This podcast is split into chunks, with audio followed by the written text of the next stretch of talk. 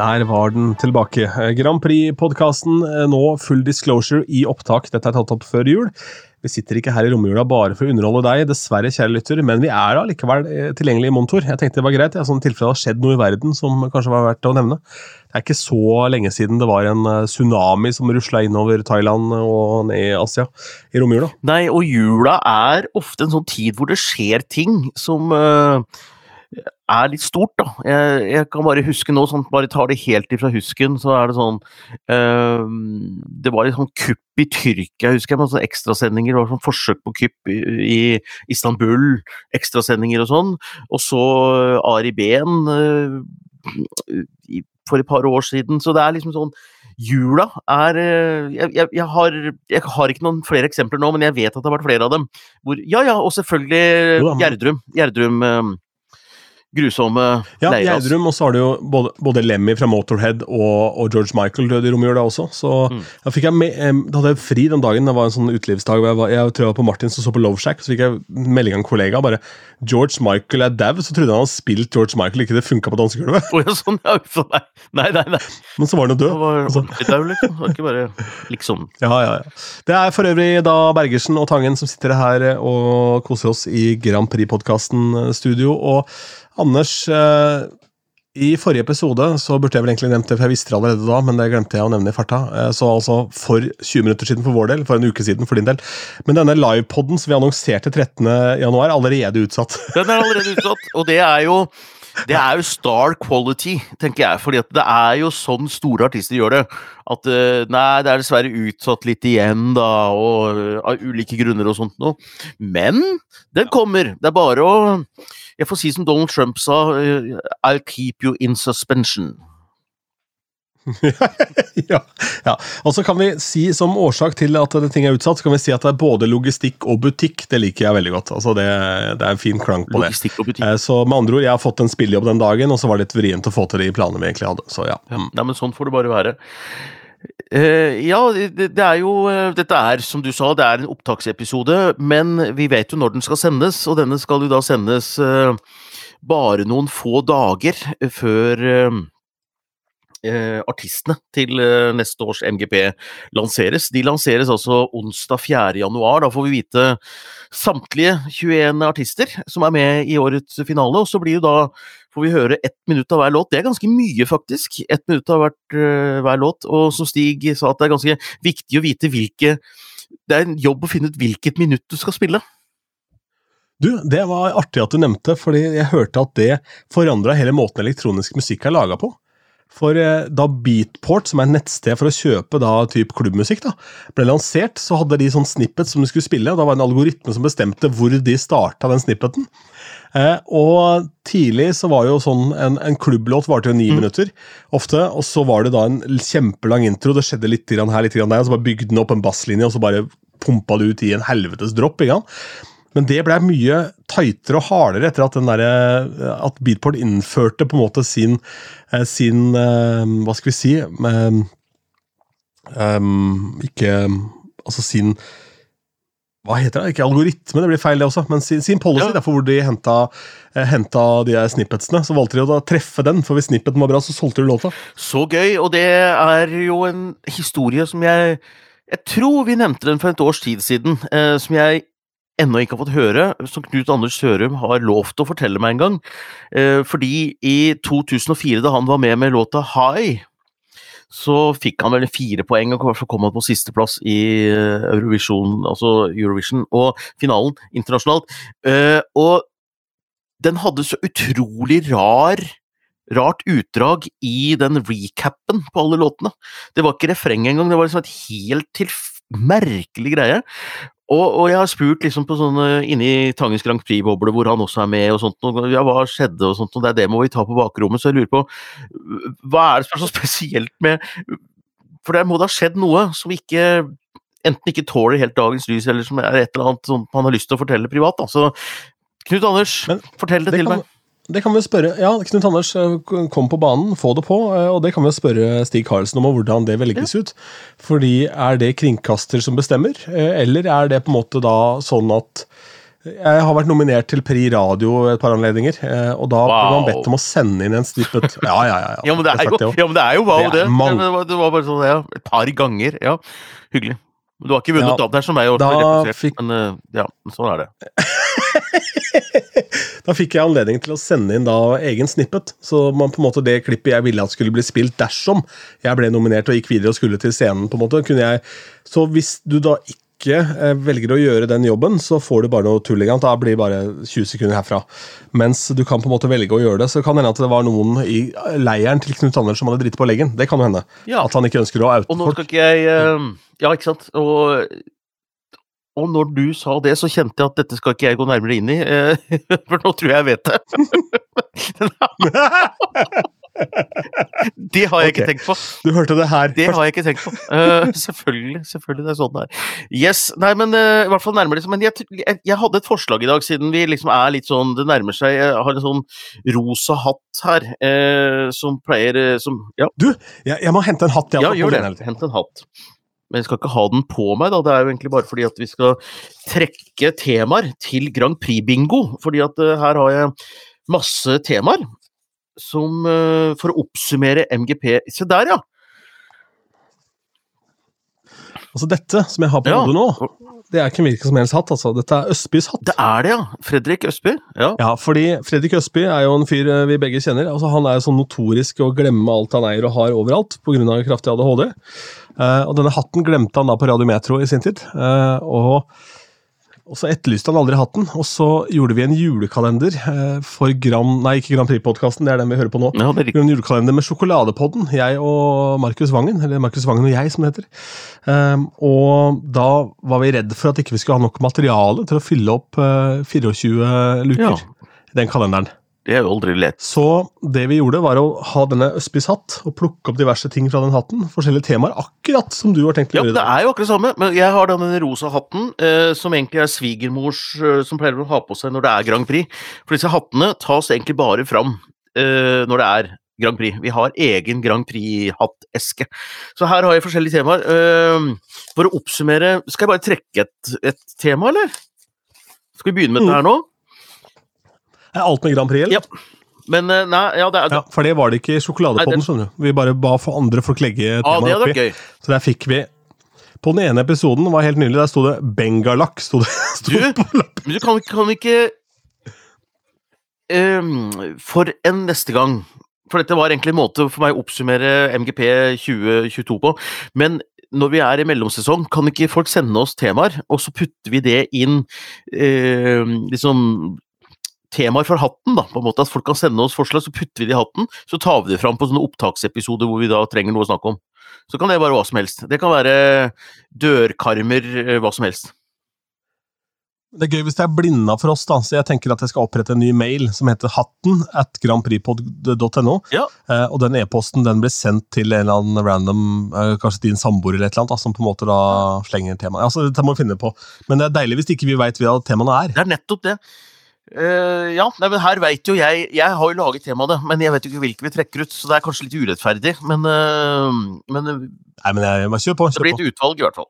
Uh, mens jeg trekker her den første, så har vi nå promoen. Vi har sett promo på TV eh, for år, neste års MGP med Sti, Stian Torbjørnsen som sånn predikant som står foran en sånn gruppe, og, og som sier 'Bli med og stem for kjærlighet, for samhold, for øh, kjærligheten'.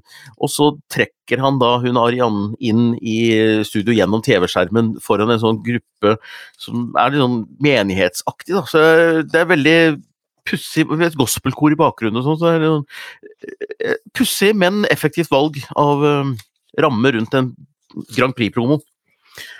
Tror ikke det betyr noen ting. Men er, altså, du Vi snakka om noe mellom slaget her, at du hadde lagt ut en hyggelig post om at du var på vei sammen med dattera di til skolen, og så skulle tilfeldigvis hadde du skrevet også at det skulle til en gudstjeneste, og så ble det ramaskrik om en gudstjeneste. uh, trenger ikke å si så jævlig mye om det, annet enn at det er vi ikke ferdig med det, ja?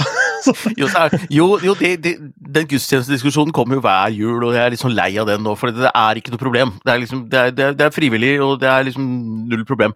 Men, men det som fascinerer meg, er må noen mene noe om alt? Altså, hvis, hvis du legger ut 'jeg har bursdag', Ja, Hva faen skal folk feire bursdagen sin da? Altså, nei, men alt er ikke oppe til diskusjon. Det er ikke et møte. Livet er ikke et eneste stort årsmøte hvor, hvor vi ber om dine innlegg, og hvor det sitter en, en ordstyrer. Eh, Noen ganger er det bare å si jeg bare, vet du hva, det var fantastisk i dag, jeg, har, jeg er kjempeglad, og da trenger du egentlig bare en tommel opp og hyggelig, og det var fint og sånt noe. Det er en deling, det er ikke en invitasjon til diskusjon. Så jeg lurer på, diskusjon og krangling, det er liksom den eneste samtaleformen en del behersker, da. De kan ikke dette med deling eller snakking. Det skal være diskusjon.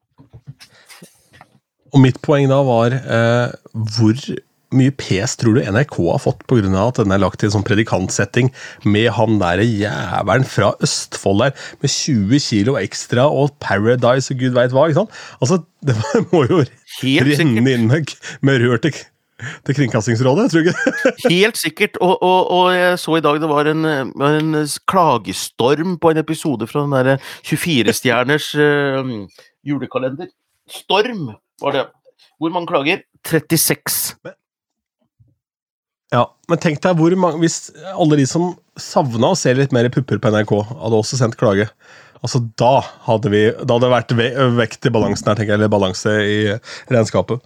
Etter stemmeskandalen i 2020 så tror jeg de fikk eh, 5000 klager, eller altså det var en, Da var det storm, på en måte, sånn, men 36 er ingen storm. Men skal jeg ta fram hatten, eller? Ja, ta fram hatten. Eh, Nå er vi da på hattemodus her. Um, skal vi se. Er alle hattene rosa for øvrig? Nei. Det er, eh, det er svart, det er gul, det er gull. Uh, bare sånn rein strå. Det er forskjellig. Her står det Ja, finn, en feil, da. Den svarte hører ikke hjemme der. Nei, jeg vet det, er en flosshatt, så den er mer sånn når du skal være sånn seremonimester. Ja, altså Temaene er ikke bare morsomme, det er litt sånn derre Men dette er sånn derre Men som var diskutert, da. Ukraina sympatiseier. Det var jo den store diskusjonen, ikke sant, at Ukraina vant bare fordi folk syntes synd på dem. Men jeg tenker jo at Stefania, den låta, hadde kvaliteter nok til å kunne vinne i et annet år. Jeg tror ikke den hadde vunnet sånn i året uten at det var krig, det tror jeg ikke. Men den hadde kunnet vunnet i et annet år, så den er ikke sånn det er ikke en sånn låt som er så dårlig at den overhodet ikke kunne vunnet, men du er jo DJ, og du har jo hørt låta. Hva tenker du? Er det Ja, nei, det er, det er ikke noen låt jeg spiller, men jeg syns vi skal lene oss litt på Stig, for han veit hva han snakker om, og han sa at det var hans favoritt. ikke sant? Og da uavhengig av om Ukraina er i krig eller ikke, så var det på en måte en låt han satt så høyt at den, den fortjente å vinne. Så da tenker jeg at da er egentlig ballen død for vår del, for vi har ikke noen som er en bedre kapasitet på feltet her i landet enn eh, Herman der, da. Og det sa han jo før, øh, før han hadde vunnet, så da Nei, men da trekker jeg bare et annet tema, da. Ja. Jeg liker tempoet her. Ja. Jeg håper det neste. Jo, men altså, hallo, altså, gå rett ut med så hardt som Ukraina nå i, i romjula! Altså, skulle det være fire år i romjula, vi ikke høre om Ukraina, vet du. Nei. står det her, da. ehm. Åh, det var så tungt, dette her. Tunge temaer. Det eh, er ikke veldig tungt, da. Men hvordan skal Eurovision Song Contest overleve? Men nå kjører vi julestemning. Nå er det julefest her. Koser vi oss. Ja.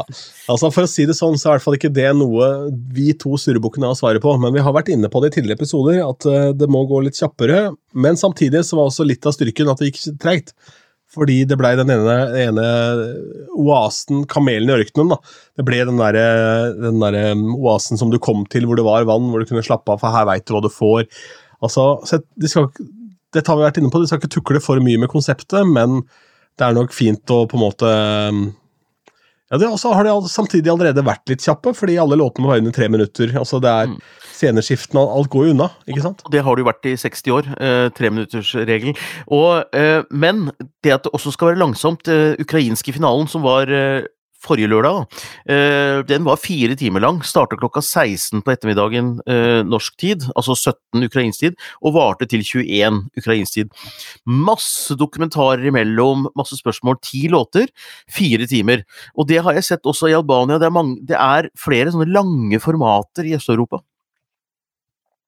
Ja, Men det er også unntakstilstand, så det holder da akkurat i Ukraina sitt tilfelle. Så er jo det noe helt annet. Eh, så det er jo umulig å sammenligne med. Men det er vel kanskje et av de lengre TV-programmene som går, da. Hvis du ser bort ifra, ifra OL og den type ting. Da, ikke sant? Altså femmila OL og sånn. da. det merka på disse fire timene, for jeg satt jo ikke pal og så på, men det sto på mens vi lagde mat og ordna, og, og, det er jo et format du kan lage det også, litt sånn sakte-TV ut av det, da. På en måte litt sånn Hurtigruten minutt for minutt. Skal vi trekke et annet tema, skal vi se. Uh, hvor mange har du? Nei, jeg, jeg, vet ikke, jeg, vet ikke, jeg vet ikke hvor mange jeg har plukka. Det var siste ti minuttene før vi skulle gå på her. Skal vi se. Subwoolfer, tull eller alvor? ja, den er fin. Jeg, jeg, må si at det var litt rart nå. Jeg har gjort noen opptakssendinger nå vi ligger en god del foran med Nattradioen i forhold til jula. Og da eh, hadde vi Eller har vi sikkert gått for lenge siden nå når vi hører dette her, men da dukka liksom Give That Wolf a Banana opp i spillelista. Eh, sånn i eh, midt i desember, slutten av desember, så tenkte jeg at det var litt sånn rart å skulle selge den låta da. For det var litt vrient. Fordi jeg veit ikke Altså, jeg veit ikke hva Vi har ikke fått uh, vite om det på en måte var en underliggende beskjed om at dette var Som de snakka med covid og alt mulig, at bananaen var uh, uh, Ulven var covid, og så var bananen var vaksinen, var ikke det? Jo, jo. Sånn noe sånt. Det var én tolkning, og en annen tolkning var jo Som noen tok også, at Putin altså, var eh, liksom angriperen og sånt noe. Min tolkning jeg har, jeg har, bedt om unnskyldning for at jeg overtenkte denne låta så veldig. altså fordi det må være lov å sitte i et studio på Rena og bare ha det gøy, altså. Dette her er to gutter, uh, Ben og Gaute, tror jeg, uh, som bare har hatt det gøy med å lage Og endelig kunne gå litt ut av det derre A1 og forelskelsessangene sine, og bare ta den helt ut. Og jeg tror dette er to morsomme fyrer som nå har fått utløp for en del av seg selv, eh, som handler om slapstick og litt sånn tilløp til litt sånn analhumor og spise bestemødre og sånt og uten å bli tatt for det, fordi det er så hjertevarmt. Det er liksom Så jeg tenker at det jeg har lært av det, Jeg skal ikke overtenke alt i Eurovision. Noen ganger er det egentlig bare vås, og det er helt fint. Og så må jeg jo si det at det må være befriende og deilig for de to gutta kan ta på seg maske, og så bare er du noen helt andre og holder på å vase med det. Og så må jeg også si at uh, jeg tok meg sjøl i å tenke litt på den første gangen vi hørte den låta. Tenkte at dette var noe forbanna tull når vi så de der trynene. Sånn som skaftetryner, de der dumme maskene. Ja. Og tenkte, og så satt vi her og radbrakte ganske kraftig, og så kom den låta da, som den der airwarmen som det er, og plasserte seg da oppe i irrgangen der, og så bare etter hvert så får du Å, shit, ikke sant, det her er jo en hit. Ja. Eh, og så blei jeg jo glad i låta etter hvert, og likte jo veldig det universet. Ja, det er, det er, veldig gøy, og jeg syns jo maskene i utgangspunktet var pappmasjé og så litt rare ut. Det, det, men de er lette å tegne, de er lette å kopiere, og det er det som er genialt. da, fordi du kan stille opp på allsang når de er der, så kan alle unger lage en sånn maske. Minecraft, det største spillet de siste ti åra. Det er firkanta, det er legoklosser av noe huer. Det er bare tull. Altså, vi er jo så aktivt seilt det var mulig å få det. Men samtidig så er det jo det er vi som stemmer, da. ikke sant? Så det er klart de må jo treffe også. Sånn sett i den settingen her, da. Ja, og det blir litt i Eurovision og MGP ikke sant? å vite at det er ganske mange voksne seere. Men mitt neste spørsmål da er har de tatt det for langt? Altså, Er vi ferdige nå? Altså, Bør vi legge den ballen her død med Subwoolfer? Det jeg var interessant, det som skjedde i Ukraina forrige uke, at de Ukraina har så mange år sendt uh, ukrainske låter, uh, og kanskje de har dratt litt langt, så svinger pendelet tilbake. Kanskje Norge nå, liksom etter, etter Tix og etter Subwoofer, at det nå er behov for en pure good popsong også fra Norge, uh, og at Ukraina allerede der pekte ut en liten sånn retning at nå er det helt ålreite, streite poplåter som er trenden, og det blir spennende å se om det, om det holder. Jo, jeg tenker på selve prosjektet, jeg. Og så bør de på en måte nå bare Alle vet hvem de er. Eh, med mindre du har sovet under en stein, så veit du hvem som er Subwoolfer. Altså, bør de på en måte bare kaste maska på et eller annet vis? Altså, Hva har de planer om? Altså, Er mm. dette noe som skjer da på Eurovision-finalen, eller den MGP-finalen neste år? da? Det blir jo gøy å se, da. Det, det, blir jo gøy å se, da. Eh, eller om de det var veldig mange som visste hvem Knutsen og Ludvigsen var også, uh, men uh, de, de, de, de, holdt jo på som Knutsen og Ludvigsen, så jeg, jeg, jeg vet ikke. Fy faen! Ja, men der var barn målgruppen. ja, ja, men det er det for Superfor òg. ja. Yep. Ok, imens så kan du ta, ta deg en banan i romjula. Ja. Da tar vi neste. Mm. Neste tema her fra vår Grand Prix-hatt. Tilfeldige temaer for å oppsummere MGP og Eurovision 2022. Skal vi se, her står det også Programledere! Programledere i MGP. Bare helt sånn generelt. eh, Det er jo et morsomt tema, da, for nå er det et bytte. Eh, Kåre Magnus Berg eh, er tatt ut. Han var jo liksom for mange stemmen. Det var Kåre Magnus Berg som var på en måte lørdagsunderholderen i ganske mange år. Nå er det Arian, heter hun vel, og Stian Torbjørnsen som skal ha det sammen. Og de har jo et veldig sterkt hjerte for Eurovision. Og jeg har jo tenkt litt på Jeg spurte Kåre Magnus om det også en gang i intervjuet han. Men er du egentlig entusiastisk i forhold til MGP, eller, eller kan du være entusiastisk til en innsamlingsaksjon, til MGP, til Stjernekamp, til en fotballkamp? Alt ettersom hva du får som jobb å være engasjert i. Og da svarte han litt sånn rundt på det, at eh, ja, nei, det er jo litt sånn du går jo inn i enhver jobb med entusiasme, svarte han, og det, det var et svar som, helt ærlig, skuffa en fan bitte lite grann. Men når det gjelder Stian, han har tatovert MGP på magen, altså. Men samtidig skal Kåre Magnus ha jævlig kudos for å være ærlig. da, Ikke bare si ah, nei, jeg elsker Melodi Grand Prix Eurovision. Altså, sånn. Fordi det blir jo det, det blir jo fake, ikke sant. Så jeg tenker at uh, han er jo proff da, på det han gjør. Så og det liker jeg så utrolig godt. Nei, så jeg krever ikke at eh, programledere Nesten snarere tvert imot, fordi at de skal jo ha en slags distanse og favne alle, også de som ikke er superfans, da.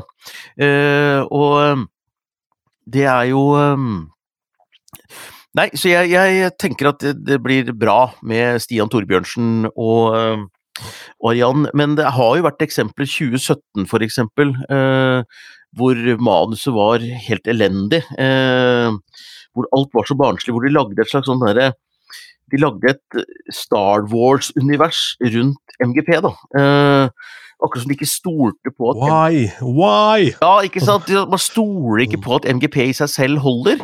Eh, og det blei egentlig så stusslig, og, og der og programlederne må, må jo da stotre fram noen sånne liksom Oi, her sitter jo jeg inne i romskipet Line Elvåshagen, og Kåre Magnus Berg var programleder da, og Line var jo virkelig fisk på land, altså, stakkar. Og det, det fortjener ikke hun. har aldri gjort MGP før. Aldri burde hun gjort det heller, men det, det, det, det hadde noe med manus å gjøre, fordi at det, åh, Hun hadde jo ingenting å spille på, sant? Mm, annet enn at hun var en sånn Star Ja, men Det er programledere, det er jo ikke skuespillere. Nei. Ikke sant? Altså Det er noe vidt forskjellig. Hvis du skal spille på en måte Hedda Gabler på, på Nationaltheatret, så går du inn i den rollen. ikke sant?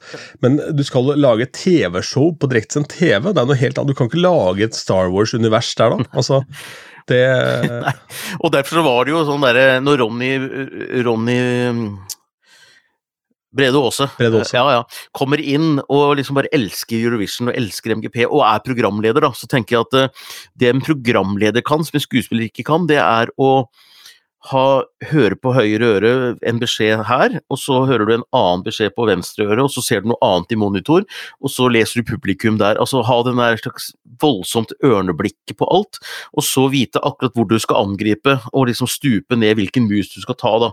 Det er det som er programleder. Mens en, eh, en skuespiller fokuserer jo inn i jeg skal ikke ta hvilken som helst mus, men jeg skal liksom gå inn i denne følelsen, og gjør du det som programleder, og plutselig så er det en artist som snubler på scenen, og du skal håndtere det, og du står og er eh, følelsesmessig engasjert i forrige nummer, så, så går det ikke. Du, så det er og de har vist for meg at det å være programleder er et fag, og det å være skuespiller er et fag. Og det er ikke alltid skuespillerne har fungert like bra, syns jeg, eh, i MGP. Eh, de har fungert greit når ting har gått som du skal.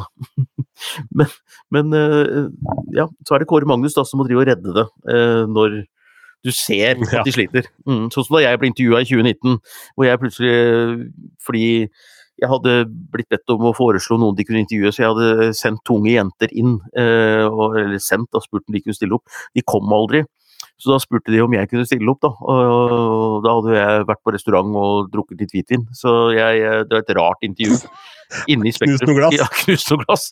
Inne i Spektrum. Så eh, Nei, det, det, men, men det gikk greit, det også. Men det var litt sånn der, da er det Kåre Magnus da som må gå inn, ikke sant. Fordi programleder har ikke noe gått inn i noe dyp følelse. Han, han, han, har det ørneblikket og vet hvilken mus han skal uh, ta nede på marka. Var det der ørnebildet litt rart, eller skjønte du det? Jeg, jeg syns egentlig det var et veldig godt bilde på å være. Jeg likte det veldig ja, godt. Ja, jeg likte det som programleder. Ja. Du er ørnen som må vite hvilken Ja. mus du skal plukke. Jeg syns det var fint, jeg. Ja, nei, det er veldig bra. Jeg likte det, likte det fint. Eh, Og så kan vi jo da, når vi var innom Ronny, så kan vi også nevne at han og, og Staysman har jo to Altså de har en egenskap til felles, og det er at de er positive. generelt. Ja. Altså De trøkker til og er positive. Ja, Og det redder så mye det at du på en måte er en blid, jovial fyr, eh, enn at, og ikke er sånn redd for å Altså, Hvordan fremstår det her? Og jeg ble sett på som litt dum nå. Altså, Det spiller jo ingen rolle, det. Ingen Altså, faen, vel? Altså, Gro Harlem Brundtland, helt, helt merkelig assosiasjon, men er- Statsministeren på 90 God jul, ja! God jul, Statsministeren på 90-tallet, hun hadde jo ikke humor. Altså, hun, hun, hun, hun var virkelig ikke morsom, men hun var jo alltid blid, og var liksom alltid sånn eller sinna, men hun, hun hadde humør. Men, men humør og humor må, må ikke nødvendigvis blandes. Eh, det er et eller annet med Hvis du bare har humør, så kommer du langt. Du trenger ikke prøve deg på humor alltid. Det er eh, La det egentlig være. Men eh, humør kan du ha. Jips. La det svinge, tenker jeg. Nei, nå er vi ganske dårlige, Ronny. Jeg skal, ta et siste her, skal vi se, tror jeg. Nei, det er ganske gode, føler jeg. God. Jeg tror vi er ganske gode, jeg, da. Nå er vi gode, ja. Jeg skjønner. Skal vi se her. Um, ja. Fordi det er nemlig typisk norsk å være god. Jeg er norsk, jeg. Ja, vi er typ, ja, jeg skjønner. Ja, ikke sant. Uh, jur, jury i MGP Eurovision. Der har jeg sterke meninger. Uh, jury eller bare folkestemmer. Det er jo tydelig at uh, det er du som har skrevet lappene, for dette er jo noe du engasjerer deg noe jævlig i, men som jeg ikke tenker så veldig mye over. Nei. Men jeg, samtidig er forstår, jeg forstår Du, veldig Ronny, argumentasjonen. Ronny, jeg si, det er spennende, fordi du er jo litt mer utenforstående enn meg, og, og tenker at det spiller egentlig ikke så stor rolle. Og da representerer du ganske mange seere, tenker jeg. Uh, hvor det egentlig ikke Mm. Men så er problemet at jeg har en kamerat som heter Anders Tangen, som det spiller mye rolle for, så jeg blir jo blenda av, hans, eh, av hans argumentasjon, og jeg må si at den holder jo vann. eh, Og det er jo tydelig at den holder vann i og med at det nå blir endringer før neste år. Eh, Og samtidig så er det nok Jeg er veldig jeg er veldig fan av å spørre en voksen. Hvis ikke du er helt trygg selv, hvis ikke du er, altså vet helt hva du skal gjøre, hør med noen som vet bedre enn deg. Mm. Sånn har jeg lært alt jeg kan i livet. Ja. Det er et godt poeng, og jeg. Ja, ja, det er YouTube. YouTube er jo Ja, det er ikke så mye voksne der, men det er, eh, det er gjennomprøvd, da. Eh, nei, men jeg, tenker jo at eh, Ja, takk. da kan jeg dra det resonnementet som du har latt deg overbevise av. Og det er jo at Eurovision er jo en låtskriverkonkurranse, og det å skrive, et låt, skrive låter er jo et fag. Og da tenker jeg at eh, hvis du later som at det ikke er et fag, så blir det liksom å være med et hopprenn. eh, Et eh, internasjonalt hopprenn, og så sier du at ja, men i Norge så konkurrerer vi bare om å hoppe lengst. Stil er ikke så farlig, det bare overser vi. Og så kommer du plutselig til Planica og skal være med i den tysk-østerrikske hoppuka, og så merker du ja, men jøss, hvem er de som sitter oppå der? Jo, det er juryen. Jeg har ikke hørt om noe jury. Jury spiller ingen rolle, det er bare om å gjøre å hoppe lengst. Nei, men du må hoppe pent også, skjønner du. Så de skal sitte og vurdere denne her, eh, stilen din. Og da kommer det som et sjokk, og dette sjokket kommer da i Eurovision på et eller annet tidspunkt. Da sitter det 50% jury fra hele verden og skal bedømme låta di, eh, og da er det like greit å ta det ved rota i MGP, tenker jeg. Og, og det gir det også Min sånn kontroversielle, kontroversielle påstand er at det er mer demokratisk også, faktisk, fordi at eh, alle seerne av MGP er med å betale gilde med å være med i Eurovision. Men det er ikke så mange som stemmer. Eh, men låta bør være så allment brei at alle kan like den. Og de som har som jobb å lytte på låter, de har større forutsetninger for å høre hva som kan funke som hitlåter. Folk som har som jobb å finne hitlåter, folk som har som jobb å gi ut hitlåter, de kan dette faget, da. Så jeg er tilhenger av det. Det er jo mange eksempler på at uh, det kommer en skive, da, og så mangler det en hook. Da? Det mangler den hiten som du trenger. da. På den plata. Og så kan det vise i etterkant at eh, skiva hadde flere hits, men de hadde ikke blitt hits hvis ikke det var drevet av, det store lokomotivet. Uh, Brian Adams' 'Summer of 69' var en sånn type låt som han fikk beskjed om at han uh, måtte skrive til den plata. 'Reckless'. Og der var det jo liksom 'Run to You' og sånn var jo der, men det var liksom ikke det var ikke den, da. Bang! Med en gang. Så jeg tenker også at Eurovision særlig, dette går på TV, du har så kort tid. Det skal funke på TikTok, det skal funke i, det universet vi lever i nå. Da trenger vi kanskje at noen går inn og sier at den låta di er bra, men det mangler en hook. Altså Du må få noe på her. Og da trenger vi en sånn derre Kall det dustete 'Give That Wolf a Banana', som ingen klarer å ignorere, fordi det er så mye rart som foregår i monitor der. Ja, ja, ja, ja. Ja, vi skal ta et siste tema, da. Vi, vi, kan ikke trekke alle, for det er ikke noen vits i å ha hatt. Altså, Det må jo være et utvalg. Jeg har en, har en drøm om å fylle opp hatten med nye temaer ja. som er helt uh, transparente. Og når vi får gjort denne liven vår, da, på et eller annet tidspunkt, så skal vi da også ha en hatt bare stående ute i, ute i jeg håper å si resepsjonen, men ute i foajeen der hvor folk kommer inn. For dette blir jo voldsom venue, selvfølgelig. Det er ikke noe småtteri som er tenkt. Nei. Men der skal folk få kunne skrive sine temaer og putte det opp i hatten. Ja, nei. Ja, nei, jeg er helt enig. Det, det er veldig gøy, altså. Hvor vi ikke aner. Og så, mm. og så blir det trolla, selvfølgelig, så da kan jo vi åpne sant, en, en, lapp her, så står det 'kuk'. altså, det vil jo skje. Selvfølgelig. Da må vi forholde oss til det. Her er det da altså uh, Jalla eller Galla. Du skjønner at det er jeg ja. som har lagd dette her? For jeg skrev jo det i en blogg, og så har det blitt en sånn jeg, jeg, Det har liksom blitt et sånt uttrykk som de driver og diskuterer rundt. Det er veldig gøy, da. Så liksom, det er eneste gangen jeg har følt meg liksom influenser, at jeg, at jeg brakte inn det derre jalla eller galla-begrepet. Mm. Ja. Men jeg må si at det er jo mye å håpe på å få masse galla med Staysman, da. Ja, men jeg ikke Men ut fra den promoen de har laget nå, hvor han står der med denne her hvite dressen sin og sånt noe, eh, så galla Altså, det er Eh, hva er det? Altså, jeg tenker jo at eh, du har jo Grammy Det er en galla. Det må nesten du forklare, for det er du som har kommet opp med uttrykket jalla eller galla. Altså. Nei, men altså, du har ytterpunktet, da, ikke sant, hvor du har uh, en sånn losje, sånn frimurerlosje, hvor du sitter med kjole og hvitt, og det er ikke det jeg snakker om, men, uh, men så har du Grammy-gallaen, du har uh, Uh, hvor, hvor, hvor, hvor, folk pynter seg, og hvor det er litt sånn stil da, rundt det hele. Og så har du det som er veldig nedpå. Uh, det trivielle. Og Eurovision tror jeg at hvis det skal overleve, så må det løftes opp fra det trivielle, uh, og ikke bli helt likt alle andre programmer. Det er det jeg mener med galla, og, og det er ikke så mange galla, men Eurovision bør være en av dem. jeg tenker på eksempel at hva heter den derre store sportsbegivenheten i USA, da? Eh, oh, Superbowl. Det er også en type galla, hvis du skjønner. Altså, det er litt sånn derre men, Mens jalla er eh, Ja Trump selger billig julepynt. Det er jalla. Eh, altså det, det, er to begreper som er vanskelig å forklare, men jeg tror veldig mange får assosiasjoner til de begrepene. da, Så jeg vil jo liksom ha mer Men når Staysman står der i hvit dress og ønsker velkommen til uh, eh, MGP, uh, eh, så er det egentlig ikke Staysman, det er Stian. Og jeg tror Stian er litt mer galla enn Staysman. Ja, og så uh, igjen da, For å backtracke til uh, vi snakka om religion i stad, så er jo Eurovision og det opplegget er litt religion, også Melodi Grand Prix. Det er litt sånn, det må gjøres på skikkelig vis, for dette har betydd mye for mange i mange år. Og det er fremdeles jævlig mye folk som ser dette. Så det er fremdeles, Og ser det live, ikke minst. Så det er fremdeles viktig. Uh, og da det egentlig du er ute etter, da, er jo fordi det er ikke noe tvil om at uh, Melodi Grand Prix Eurovision er viktig sånn produksjonsmessig. Det er ikke noe show som er større, det er den største TV-produksjonen live. Alle som driver med lyd og lys, vil være der og vise fram hva de har i stallen sin, altså i, i parken sin, og nye lamper og ting og tang. Definere hele festivalsommeren, hva som vises fram til det showet. Ja.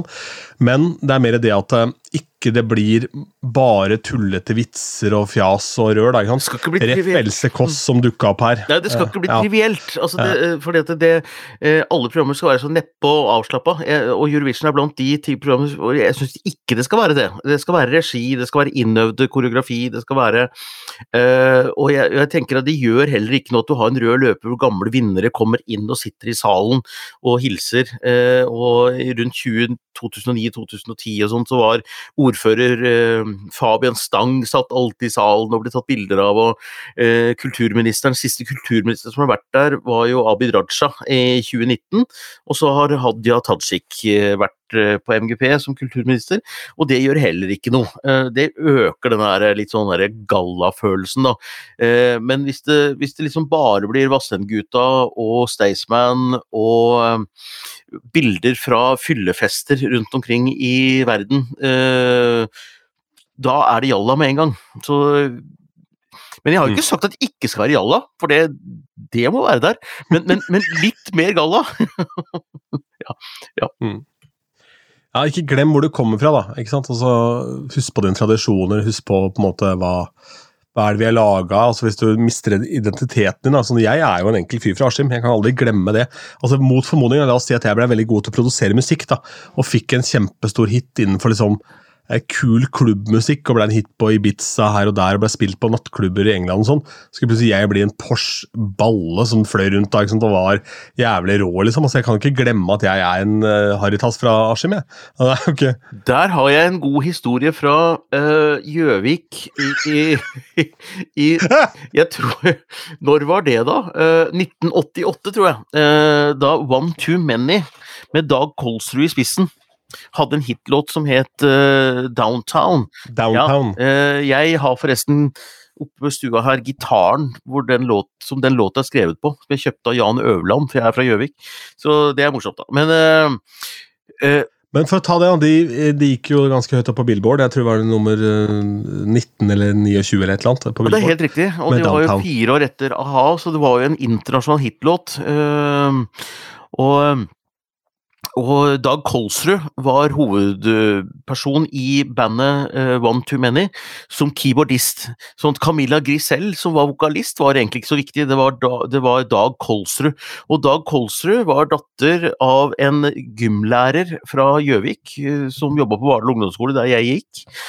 Eh, Så han var en helt alminnelig Gjøvik-fyr. Så han ville jo gjøre det som er helt utenkelig, som du må ikke, må ikke finne på. Det er et svik mot Gjøvik. Og det er å lage lanseringa av internasjonalt album på Gjøvik. Med de største stjernene fra LA som skal synge og spille på Gjøvik kino. Og så skal eh, Dag Kolsrud komme inn der, eh, komme til premieren og lanseringen med en hvit limousin foran Gjøvik kino og sånt noe. Og det var liksom sånn derre Jeg digga det jo, men, men det var liksom sånn derre det, det var ikke gjøviksk nok, da. Jeg digga det, og, jeg, og, og det var kanskje litt av derfor grunnen til at jeg har ikke noe lyst til å flytte tilbake til Gjøvik heller, fordi at det er litt sånn derre Det lynnet der eh, det er, ikke, det er liksom ikke helt lov å lykkes, da. Eh, Gjøvik sjokolade lager Norges beste sjokolade, og når jeg kommer dit og snakker om at å, det er koselig å kjøpe Gjøviks beste sjokolade, så er det ingen gjøvikfolk som sier ja, det er sant, det er Norges beste sjokolade. De sier ja, jo, sjokoladen til Jan er god, det, men at det er Norges beste, det er å ta i. Så må du drive og forhandle det ned. Så det er sånn derre Ja, nei, så noen ganger så tenker jeg at uh, vit hvor du kom fra, men uh, vit hvorfor du dro derfra også. Jeg må også bare si at eh, Gjøvik sjokolade er artig at du nevner, fordi det er eneste gang at vi måtte merke en episode om at her blir det i overkant på sjokoladepodden. Det var da vi fikk tilsendt Gjøvik sjokolade, for de har jo altså Jeg trodde først det var en datamus, men så var det altså en vagina i sjokolade. Det var Helt altså riktig. så nydelig. Helt riktig. Og det er, de, de er frekke, de er morsomme, og de lager belgisk sjokolade. De kjøper de dyreste råvarene. Og når du kommer inn i lokalene, der det lukter frukt, det lukter likør, og det er liksom ikke noe juks, da. Nei, så gjør vi ikke Vi sjokolade. har duftlyset til Gwyneth Paltrow og lukter vagina brennende der. Ikke tenk på det. Nei, men den, var, den er jævlig god, da. Den er jo helt enestående. Det, er, det fins ting som ikke ser ut som en kukk eller vagina, og det er mulig å kjøpe helt vanlig sjokolade. Så det er bare Ja, det går an. De har en svane, blant annet. En hvit svane. Og det er helt vanlige firkanta biter, og alt er mulig. Ja, ja.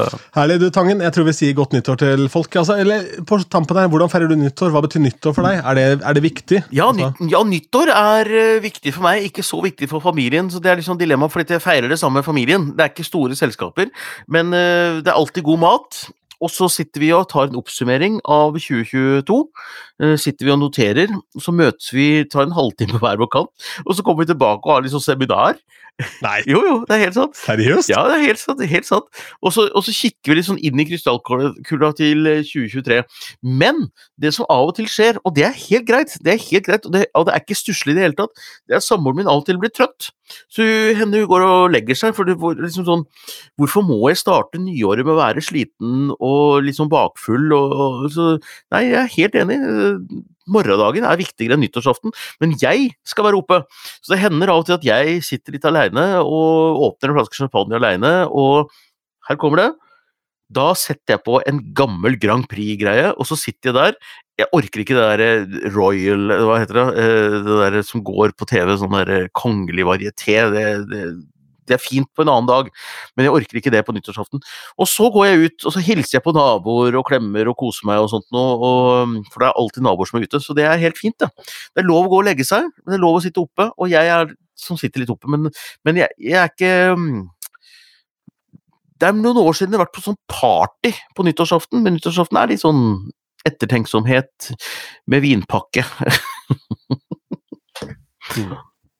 Ok, men da, da har jeg altså en eh, Hvis det blir sånn i år òg at eh, fruen sovner litt tidlig, så hiver jeg en taxi, kom til Askim, så skal jeg sette deg på gjestelista, for da spiller jeg på hjemmebane på nyttårsaften. eh, Og feire et slags sånn 20-årsjubileum da, fra min første betalte spillejobb. Ja, Og da kan jeg i hvert fall love at hvis du tenker at du liker galla, så får du i hvert fall servert jalla den kvelden. Jeg er helt sikker på. ja Så da Jo, jo, men Jalla i Askim, det er aldri feil, det. Jeg har jo ødelagt eh, lydanlegget der ved å kjøre gokart uh, inn i lydanlegget der fra han derre han, han eh, Henning Å, hva heter han heter han da? Han Solberg. ja. Så jeg kjørte jo den gokarten rett inn i lydanlegget, så jeg har jo Jeg vet ikke om det er fiksa.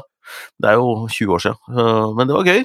Ja, Det var omtrent da, omtrent da stedet i konkurs, jeg tenker jeg, så det var vel da det ble lagt ned. Men det Det var sånn.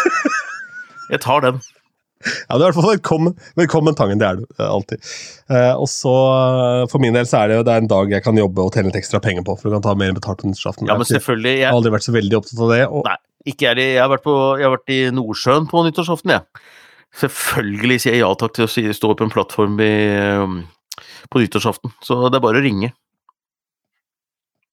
Unnskyld meg, hva, hva, så du har hatt standup i Nordsjøen? Ja, ja. Flere ganger.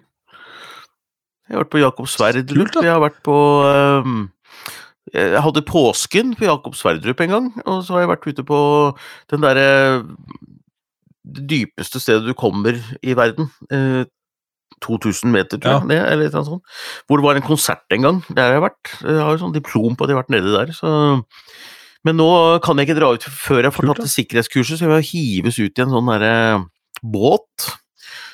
Men, eh, men jeg tenker eh, det må være voldsomt hardt hvis ikke det funker. da. Altså Hvis du har en opplevelse som du hadde sånn à la det der med det der håndverket. Ja, ja, ja. Fordi det er litt som å være på et kasino eller en cruisebåt. Hvis ikke de som er gjester på den båten liker deg, så sliter du. Så er du sammen med dem resten av helga, da.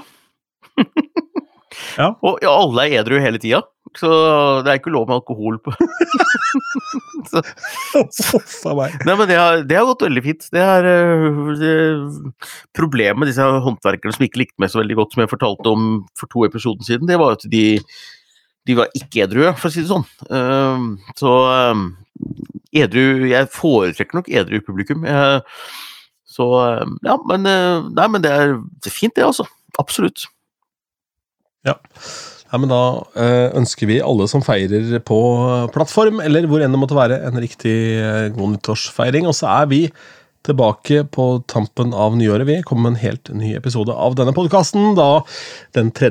januar, selvfølgelig. Og nei, unnskyld, det gjør vi ikke. Vi Nei, kommer vi kommer den fjerde, for da er det lansering av øh, artistene til MGP. Ja. Så vi utsetter den episoden til onsdagen. Ja, Vi starter hele året med rett og slett ikke levere. Det gjør vi. Det gjør vi, og så leverer vi på den dagen det er noe å levere på.